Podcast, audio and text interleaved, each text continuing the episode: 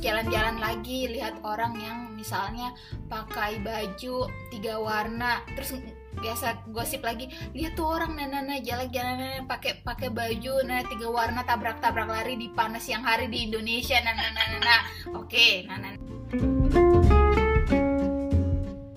mumpung kita masih bahas soal uh, judgmental nih udah jauh nih dari judgmental ke confidence pengen balik lagi nih aku ke judgmental aku tuh ingat kemarin tuh Erna baca jurnal. Jadi intinya tuh uh, apa sih namanya? Ini ada agak ini ada hubungan sama masalah confidence sih. Jadi orang-orang yang apa sih namanya? Orang-orang yang gampang ngejudge seseorang sebenarnya itu uh, judulnya tuh bagus banget. Aku punya The More You Judge, The Worse You Feel. Jadi orang-orang yang punya uh, orang-orang yang gampang ngejudge seseorang itu sebenarnya adalah orang-orang yang lebih tendensi untuk lebih gampang worry dan gampang criticize dirinya sendiri. Dan kalau ini dia teruskan, jadi kalau misalnya kebiasaan untuk ngejustifikasi hidup seseorang uh, itu dia teruskan lama-lama, uh, ini bisa dari worry bisa ke apa sih namanya uh, ke anxiety. Ah lama-lama tuh bisa naik naik naik sampai yang benar-benar bisa sampai di tahapan depression. Jadi sebenarnya tuh menurut aku ini relate banget sih. Jadi kalau uh, kamu ingin belajar untuk lebih uh, percaya diri mungkin uh, salah satu startnya selain uh, apa sih namanya doing doing something out of your comfort zone like we, apa yang kita diskusiin tadi mungkin kamu dengan uh, juga dengan belajar untuk tidak gampang ngejudge seseorang karena menurut studi emang udah terbukti bahwa kalau kamu gampang ngejudge kalau kamu gampang ngejudge seseorang, kamu akan juga gampang ngejudge dirimu kamu sendiri. Jadi kamu gampang kritik kamu diri kamu sendiri. Akhirnya you don't make any move jadi kamu akhirnya nggak nggak gampang juga percaya diri. And I think that's really a good point kan untuk apa sih namanya nge-highlight uh, diskusi kita tadi. Jadi ya yeah, guys you have to ya yeah, begitulah. Tapi sebenarnya menarik sih aku penasaran kenapa kalau misalnya kita ngejudge orang tuh kan penilaian kita ke orang lain tapi kok dia bisa bisa juga berdampak ke internalnya dia tuh kok bisa ya gimana tuh dia? Oke, okay, I have a good, very good, no good. Like I have a story with, uh, aku punya cerita ten uh, tentang itu. Jadi aku rasanya bisa relate sih waktu baca jurnal itu. Jadi hmm. dulu tuh kayak uh, masa-masa uh, masa-masa aku tuh kayak nggak wise banget dalam berpikir dalam menjustifikasi seorang itu menurut aku SMA ya. Mungkin karena uh, waktu SMA we kayak we tend to explore everything kan. Jadi dan semua itu kayak masuk aja dan kita sebagai oh masih anak kecil itu belum punya tameng. Karena kita belum berilmu kali ya. Kayak belum berilmu yang benar-benar konkret how to react how to respond to apa sih namanya uh, cerita apa sih namanya kayak kehidupan sehari-hari. Jadi waktu dulu tuh masa-masa aku yang nggak uh, jadi misalnya nih aku main sama teman-teman aku ke mall jadi apa sih namanya uh, aku lihat seseorang dan I know kayak orang itu uh, datang dari orang yang nggak mampu secara mm-hmm. ekonomi misalnya mm-hmm. sesederhana itu loh terus aku ngerasa dia main ke mall dan aku ngelihat dia menggenggam kayak brand HP tertentu dan menurut aku tuh lumayan pricey at the time jadi aku mm-hmm. ngegosip nih sama teman-teman aku Ih, lihat nih apa sih namanya orangnya uh, apa sih nana nana gitulah nana nana biasalah ngegibah cewek-cewek kan ih padahal orang tuanya nana nana nana nah nah nah nah terus jalan-jalan lagi lihat orang yang misalnya pakai baju tiga warna terus biasa gosip lagi lihat tuh orang nah nah, nah jalan-jalan pakai pakai baju nah tiga warna tabrak-tabrak lari di panas siang hari di Indonesia nah nah nah nah, nah. oke nah nah nah nah akhirnya menurut aku ya di aku tuh dulunya ketika aku uh, pengen uh, beli apa sih namanya beli misalnya nih aku punya brand tertentu aku tuh suka uh, ngeput value itu ke aku. Jadi misalnya apakah aku pantas nih pegang brand ini?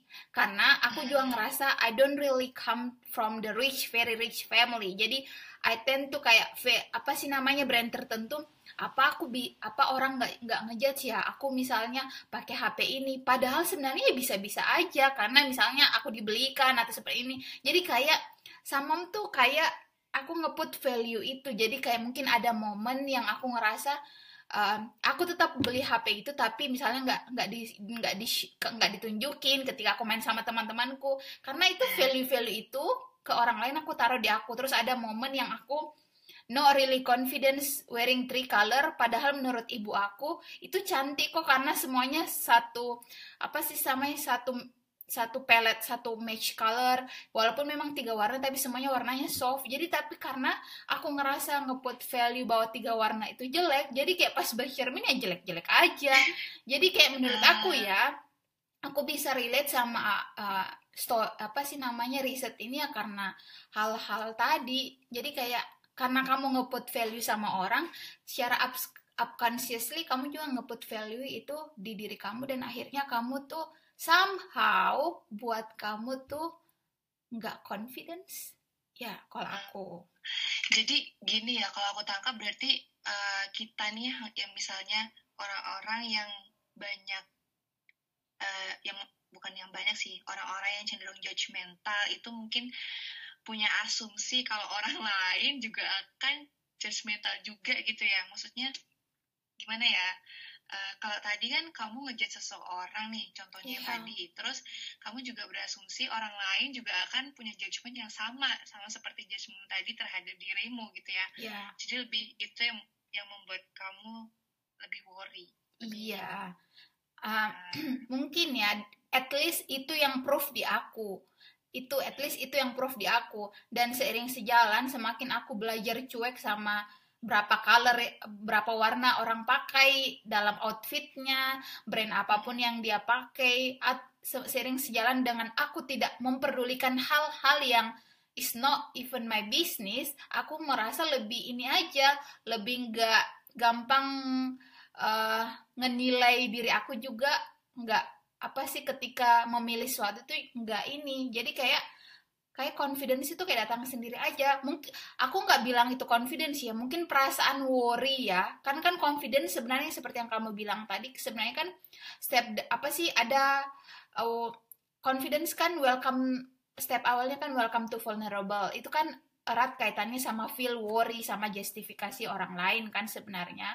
That's why we don't make a move. Jadi mungkin aku nggak bilang itu directly make me confidence tapi itu dengan belajar untuk menjadi lebih cuek aku belajar untuk uh, akhirnya aku menjadi orang yang lebih nggak gampang worry with apa yang aku pakai apa yang aku pikir apa yang ya kayak gitu-gitu aja. Dan menurut aku outcome-nya terlihatnya mungkin aku lebih percaya diri menurut aku ya. Kayak seperti itu. Dan uh, apa namanya efek samping lainnya juga kamu jadi nggak lebih nggak judgmental lagi ya? Iya karena aku ngerasa betul-betul mendapatkan positif uh, apa sih namanya positif efek dari uh, tidak bukan tid, menjust apa sih namanya aku ngerasa tuh kayak ngejudge sebenarnya tuh kayak somehow tuh kayak kita natural aja tanpa sebenarnya kita nggak mau cuman kayak karena itu mungkin karena kan kita kan hidup nih yeah. seumur umur pasti punya value kan dan ketika yeah. orang apa melakukan bukan kayak ya mengerjakan suatu apa mengerjakan sesuatu yang value-nya berbeda sama kita itu kan kayak justifikasi langsung ada nah langsung akan itu kayak natural di kepala kita comparison nah nah nah nah nah nah, nah, nah. itu mm-hmm. tapi menurut aku itu kayak itu kayak ya itu naturalnya kita yang harus kita manage itu bagaimana kita mengontrol energi itu untuk sampai di kepala aja, nggak sampai keluar dari mulut, apalagi ceritain sama orang lain. Menurut aku itu sih poinnya, karena itu kan natural, itu kan bagian dari natural kita. Tapi how how to control that apa sih namanya emo nggak tahu apa panggilnya bagaimana cara mengontrol itu sampai kita bisa bilang nggak apa-apa nggak apa-apa orang berbeda stop sampai situ diam dan nggak ceritain sama orang lain itu menurut aku itu perlu dilatih guys. Dulu tuh aku Iya, ciwi-ciwi ciwi-ciwi rompi juga. Dan ngomentarin semuanya. Jadi kayak ya gitulah. Kalau menurut aku ya. I think it's a good point sih ya. Kita harus kayak punya kontrol diri gitu ya. Maksudnya ya emang sih sebenarnya menarik menarik banget tadi statement dari kamu yang bilang judgment itu memang natural. Karena memang iya aku pernah baca di bukunya Thinking Fast and Slow bukunya Daniel Kahneman itu ya uh, pronunciasinya benar atau enggak ya pokoknya itu iyalah gitulah ya guys jadi sebenarnya tuh eh, kan otak kita tuh punya dua sistem ya yang pertama Iya. dia eh, di buku ini tuh dibilang sistem satu dan sistem dua intinya Hmm. sistem satu itu lebih ke yang ketika kita refleks gitu Hmm. ketika kita punya intuisi terhadap sesuatu nah sebenarnya kalau disambungkan sama judgment tadi memang eh, kalau kita bilang kan judgment itu bisa aja disebut sebagai first impressionnya kita juga nggak sih? Iya iya iya. Benar benar benar. dan ini tuh reflect memang eh, apa namanya sistem otak kita yang bekerja. Ketika kita eh, ngejudge sesuatu itu yang bekerja itu sistem satu kita. Yang mana memang sistem satu ini lebih mudah untuk bekerja daripada sistem dua sistem refleks ini lebih mudah bekerja daripada sistem sistem dua yang memang membutuhkan apa ya membutuhkan berpik gimana ya ngomongnya ya membutuhkan membutuhkan ini apa Energi. usaha untuk berpikir. hmm, usaha Ha-ha, jadi contohnya nih kalau sistem satu kan misalnya kita lihat warna merah ya udah kita tahu itu merah. iya Terus atau enggak kita lihat ada bunga tiga biji di taman kita udah tahu aja itu oh itu tiga gitu. iya iya Bedanya sama sistem dua adalah ketika di taman itu ada bunga misalnya enam atau tujuh iya atau sembilan kita kan pasti mikir dulu kan nggak langsung refleks oh itu sembilan. Nggak mungkin kan? Kita Iya. pasti kayak mikir dulu gitu tiga tiga tiga oh sembilan nih. Nah Iya kali Atau- kita langsung tahu. Itu atau mungkin ada yang uh, bag- uh, tulisan warna merah tapi tulisannya itu biru. Tahu Iya nggak? Maksudnya uh, tulisannya itu bunyinya biru cuman warnanya merah. Nah Hmm. itu kan kita mikir. refleks otak kita terganggu mikir dikit. Nah Hmm. di situlah sistem dua bekerja. Ketika kita membutuhkan apa ya kegiatan-kegiatan yang perlu berpikir sedikit lah Hmm. sedangkan ketika judgment ini tadi uh, ataupun hal yang berhubungan dengan first impression itu tuh memang benar uh, ot- sistem otak satu kita yang bekerja instead of sistem dua Hmm. gitu. dan ketika kita mengaktifkan sistem dua kita itulah Hmm. di mana kita punya agak sedikit kontrol misalnya kamu tadi bilang harus uh, punya kontrol diri ya Iya itu iya mungkin kita sudah bekerja untuk menyaring oh ini baik nggak ya dikeluarkan mel- melalui omonganku gitu kan. Atau mungkin kita punya pertimbangan pertimbangan pertimbangan pertimbangan lain supaya nggak nggak nggak jadinya judgmental sama orang gitu.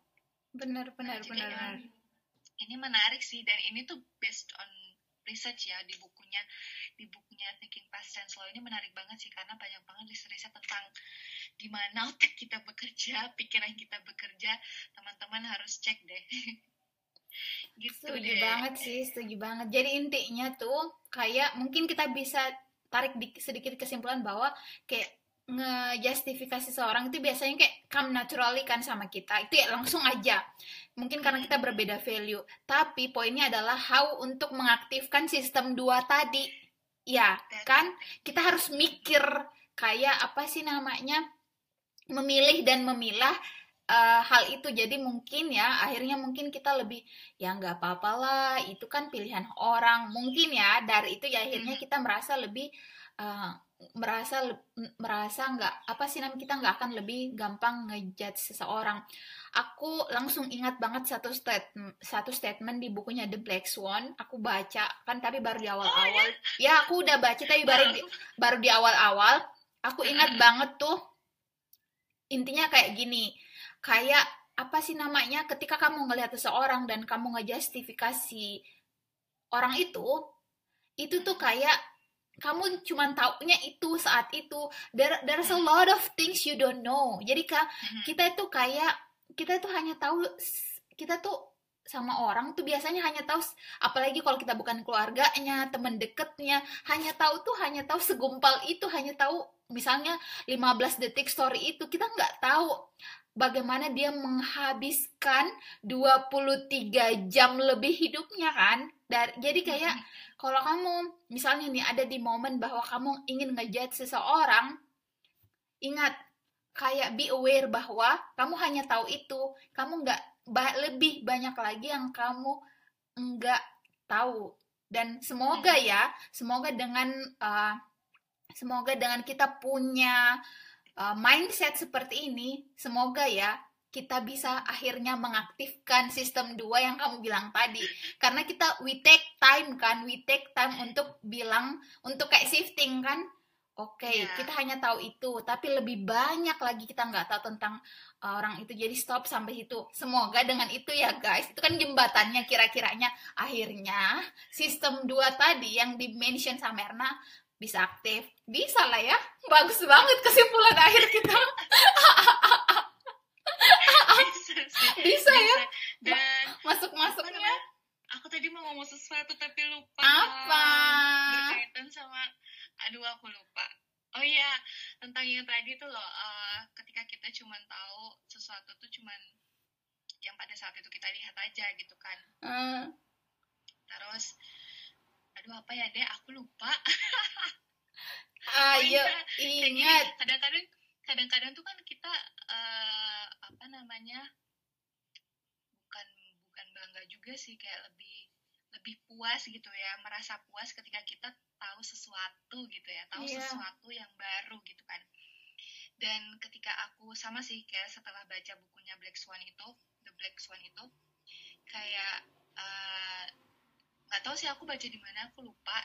Uh, pokoknya kalau nggak salah intinya tuh it is important to us for to consider what we don't know instead of what we know. Kayak kadang-kadang kan ketika kita sudah tahu suatu fakta tuh kita merasa puas oh ternyata begini toh gitu. hmm. gitu misalnya nih misalnya kayak oh ternyata kayak di Black Swan deh oh ternyata angsa tuh semuanya putih toh gitu hmm. ya udah kita kita puas dengan ilmu kita itu hmm. oh aku sekarang tahu nih ternyata angsa itu putih tapi kita tuh miss missing something sebenarnya ada hal-hal yang nggak kita tahu ternyata ada di belahan bumi tertentu yang mana jenis angsanya tuh warnanya hitam. Melbourne guys, Melbourne. iya, itu dia maksudnya. Uh, dari situ tuh aku belajar sih, maksudnya ketika aku tahu sesuatu, aku nggak lantas langsung uh, bukan merasa puas sih, kayak nambah ilmuku, justru kayak langsung tertrigger, oh mungkin ada hal-hal yang aku nggak tahu nih di balik pernyataan ini gitu dan ini tuh ngaruh ketika aku ngerjain disertasi gimana tuh ngaruhnya gimana, gimana? ngaruhnya adalah ketika aku ngerjain literatur review hmm. kan sebenarnya uh, karena aku uh, apa namanya topik disertasiku adalah asesmen ya asesmen formatif dan sumatif nah ini yep. tuh complicated banget jadi kan kadang-kadang dalam satu riset itu kan ada berbagai macam perspektif kan dari researcher-researcher kan. Uh -uh. Uh, misalnya uh, dari formative assessment deh ada ada dua bisa dibilang kubu nggak juga sih misalnya ada yang statementnya A ada researcher researcher yang statementnya B hmm. semuanya gitu dan ketika pertama kali aku baca statement tentang A itu tuh aku kayak awal-awal dulu ya sebelum yeah, baca yeah. punya Flex dan Thinking Fast and Slow kayak aku merasa puas banget gitu loh oh ternyata tuh formatif formatif assessment kayak gini kayak gini kayak gini kayak yeah, gini yeah, kayak gini yeah. gitu kan Terus setelah baca-baca lebih banyak lagi, aku menemukan perspektif yang cukup bertolak belakang gitu dan itu bikin kayak jelek banget sedih gitu. Oh ternyata yang kemarin itu nggak sepenuhnya benar ya. Oh ternyata ada pertimbangan lain dan perspektif lain juga ya gitu loh. Kayak langsung dari situ juga kena uh, reflecting juga. Dan yeah. sekarang kalau misalnya ngeliat sesuatu, oh mungkin ada kemungkinan-kemungkinan lain juga yang yang mungkin aku nggak tahu gitu mungkin pada saat itu aku tahunya masih secuil. Banyak hal yang aku nggak tahu gitu. Jadi itu efeknya. Hmm. kalau dari situ ini... lebih lebih kayak aduh aku harus baca lebih banyak lagi nih. Jangan-jangan yang aku sekarang yang aku baca sekarang ini masih misleading gitu. Dan interpretasiku belum belum belum sepenuhnya benar gitu. Gitu sih ngaruhnya. Itu setuju sih. Kalau di dunia apa sih di dunia kampus kita kan nyebutnya thinking critically kan? Iya, kom, iya. kom, apa sih namanya? Compare everything dari berbagai uh, sudut pandang. Dan menurut aku tuh hal ini kan harus terus kita latih. Apalagi ketika kita memutuskan untuk um, aktif menerima informasi dari uh, apa sih namanya platform-platform uh, sosial media karena kenyataannya banyak hal yang uh, bias kan. Kayak benar banget. akhirnya kayak uh, udah nih diberitain lama-lama uh, baru minta maaf maaf ga maaf tadi yang ini salah. Kan jadi kayak wow. Jadi kayak menurut aku itu bisa banget dibawa ke dunia kita sehari-hari untuk lebih thinking critically dalam menerima uh, suatu informasi jadi nggak melulu menerima dari satu sudut pandang maybe we waiting for other sudut pandang. Jadi akhirnya bisa lebih wise dalam mengambil sikap dalam melihat suatu kejadian. Bagus banget sih menurut aku tuh poinnya. setuju banget. Dan ngomong-ngomong tentang berpikir kritis menurutku tuh kalau dipikir-pikir menurutmu husnuzon tuh salah satu bentuk berpikir kritis nggak sih? Maksudnya kan ketika kita hmm. tahu orang nih kejadiannya sebenarnya seperti itu gitu kan. Hmm. Ya, misalnya gimana ya? Misalnya apa deh contohnya? Iya iya iya. Menarik nih husnuzon bagian dari berpikir kritis. Uh, Karena kan kita otomatis uh, ketika kita melihat suatu kejadian yang kayaknya agak nggak enak gitulah ya. Iya. Uh, menurut perspektif kita tapi kan kita harus dituntut untuk tetap husnuzon kan. Uh, uh, karena ketika kita husnuzon itu kan kita mempertimbangkan hal-hal lain ya iya kan? benar benar benar nah, benar benar benar kemungkinan kemungkinan lain kenapa sih hal itu bisa terjadi gitu kan? Uh, uh, uh, benar banget. terkait sama berpikir kritis nggak sih gimana menurutmu? Terkait sih. Tadi tuh pas kamu tanya aku di awal belum otak aku belum connect. Tapi pas kamu ngejelasin ke sini sini aku mulai connect. Aku malah kepikiran karena dengan berhusnuzon kan akhirnya kan awalnya kan kita pasti zuzon lah let's say like oke okay. tapi karena seperti yang kamu bilang berhusnuzon kan melatih diri untuk melihat mencari sudut sudut pandang yang uh, mencari sudut-sudut pandang lain kan. Akhirnya menurut aku ya ini dihubungkan lagi sama buku yang tadi yang think fast. Akhirnya kita belajar untuk take time slow down untuk mengaktifkan sistem yang kedua I think that's uh, very good. ya menurut aku sih it should be menurut aku Susan pasti apa bisa dikatakan uh, a part of uh, thinking critically. Uh -uh. Kayak husnuzon itu part of thinking critically critically bisa uh, apa sih karena dalam proses husnuzon kita tidak hanya menjustifikasi sesuatu itu dari hal yang kita lihat tapi kita mencoba apa mencari sudut-sudut pandang lain. Bisa sih dan kalau dihubungkan sama tadi akhirnya kita takes time untuk mengaktifkan sistem kedua tadi. Yang apa sih namanya hmm. untuk lebih takes time untuk berpikir cocok yeah. nih bagus nih.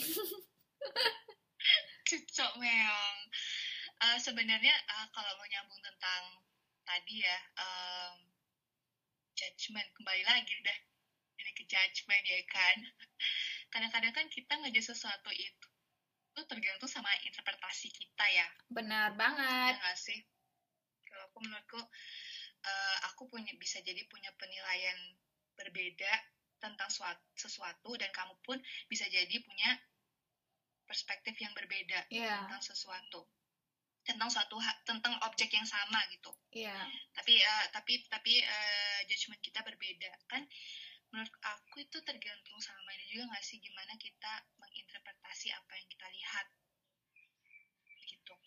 Dan bagaimana kita menginterpretasi ini kan uh, tergantung sama pengalaman kita juga ya kan? Iya. Sama kayak prior knowledge prior knowledge kita iya. yang mempengaruhi gimana uh, kita sampai pada kesimpulan atau ke atau judgement tadi. Nah dan menurutku di sini sih gimana ketika kita berpikir ber, apa berpikir kritis itu berarti kita berusaha untuk melihat cara orang menginterpretasi sesuatu juga gitu maksudnya Iya. nggak terus-terusan em, menjustifikasi bahwa cuman satu-satunya interpretasi dari kulah yang paling benar gitu ada ada ada ada apa namanya cara lain juga ca- eh, cara orang lain menem- dalam memandang sesuatu dan itu juga benar kalau misalnya dalam matematika dulu tuh dosenku atau guruku ya aku lupa eh, beliau tuh selalu bilang banyak jalan menuju Roma ya kan banyak jalan gitu loh Bener sih. untuk me- untuk mencapai suatu Iya. jawaban yang benar dalam matematika itu banyak banget cara ngerjainnya. Nah, di situlah bagaimana kita menginterpretasikan itu kan sama dengan cara cara-cara kita ngerjain soal matematika Iya, ya, kan, supaya iya. benar, supaya dapat jawaban yang benar. Iya. Dan itu yang menurutku salah satu bentuk eh, gimana kita bisa think critically juga sih. Setuju banget, setuju banget sih karena at the end of the day kan suatu peristiwa itu nggak hanya akan apa sih namanya sudut pandangnya sudut pandang itu kan nggak datang dari kita aja. Pasti kalau misalnya orang lain ngelihatnya mungkin akan beda. Itu kan tergantung dari seperti yang kamu bilang tadi prior prior knowledge mungkin experience juga. Eh, apa sih sama sesederhana mungkin. Eh aku tuh kayak kemarin eh, baru video call eh, sama teman-teman aku. Jadi misalnya kita ngebahas eh, ada misalnya nih ada ada suatu cowok cari pasangan yang wajib misalnya dia bukan wajib sih lebih pengen banget punya pasangan yang kayak eh, jadi ibu rumah tangga tinggal di rumah dan akhirnya semakin ditelisik kenapa dia pengen itu ya karena dia datang dari keluarga yang ayah ibunya sibuk bekerja akhirnya ibunya nggak punya waktu apa sih namanya waktu untuk mungkin stay home raise their children. Jadi mungkin itu akhirnya pengalaman itu yang menjadikan dia uh, pengen banget untuk punya nanti pasangan ketika menikah. Hanya uh, yang pengennya dia ibu rumah tangga di rumah fokus ah apa sih namanya nge-raise dari family. While ada juga uh, kenalan aku yang mereka welcome welcome aja sama uh, apa sih namanya pasangan yang masih bekerja ketika menikah. Karena di- ditelisik lebih ini ya memang ayah ibunya juga datang dari keluarga yang bekerja tetapi ibunya apa sih namanya uh, ternyata walaupun bekerja tetap punya tahu caranya untuk ngehandle keluarganya ketika di rumah dan dia merasa feel content. Jadi menurut aku let's see kan kayak kita ada satu case dari dua sudut pandang. Karena dari dua pengalaman yang berbeda akhirnya jadinya interpretasinya bakalan beda. Jadi kan kalau misalnya kita dari orang misalnya nih kayak aku dengarnya kayak gitu ih apaan sih? Masa hari gini? Nah nah, nah, cuman pengen gini gini. Kan orang pengen eh perempuan. Iya kan? Ah, kan itu judgmental banget kan. Oh, kan perempuan juga pengen ah, apa sih namanya mengak- mengaktualisasi diri dan seba dan sebagainya.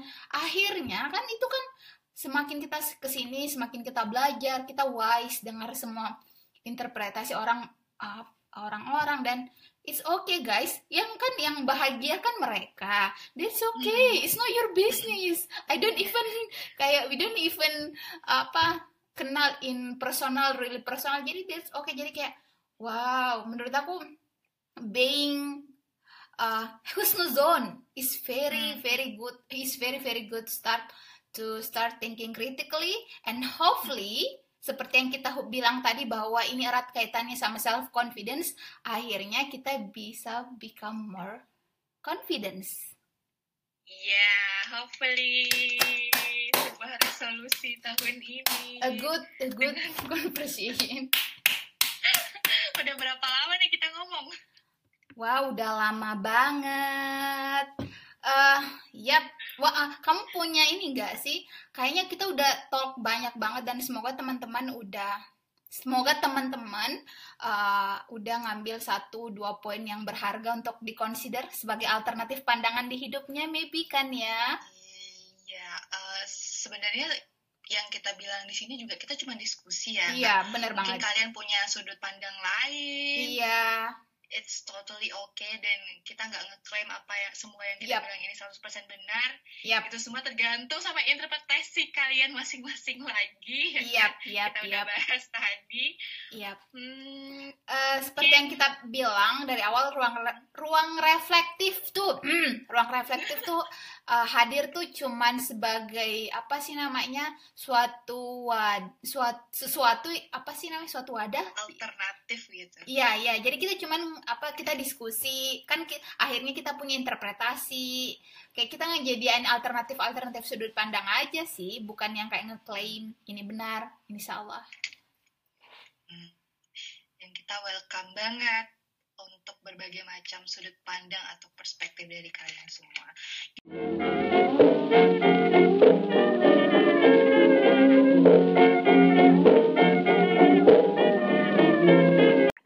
Selanjutnya di ruang reflektif.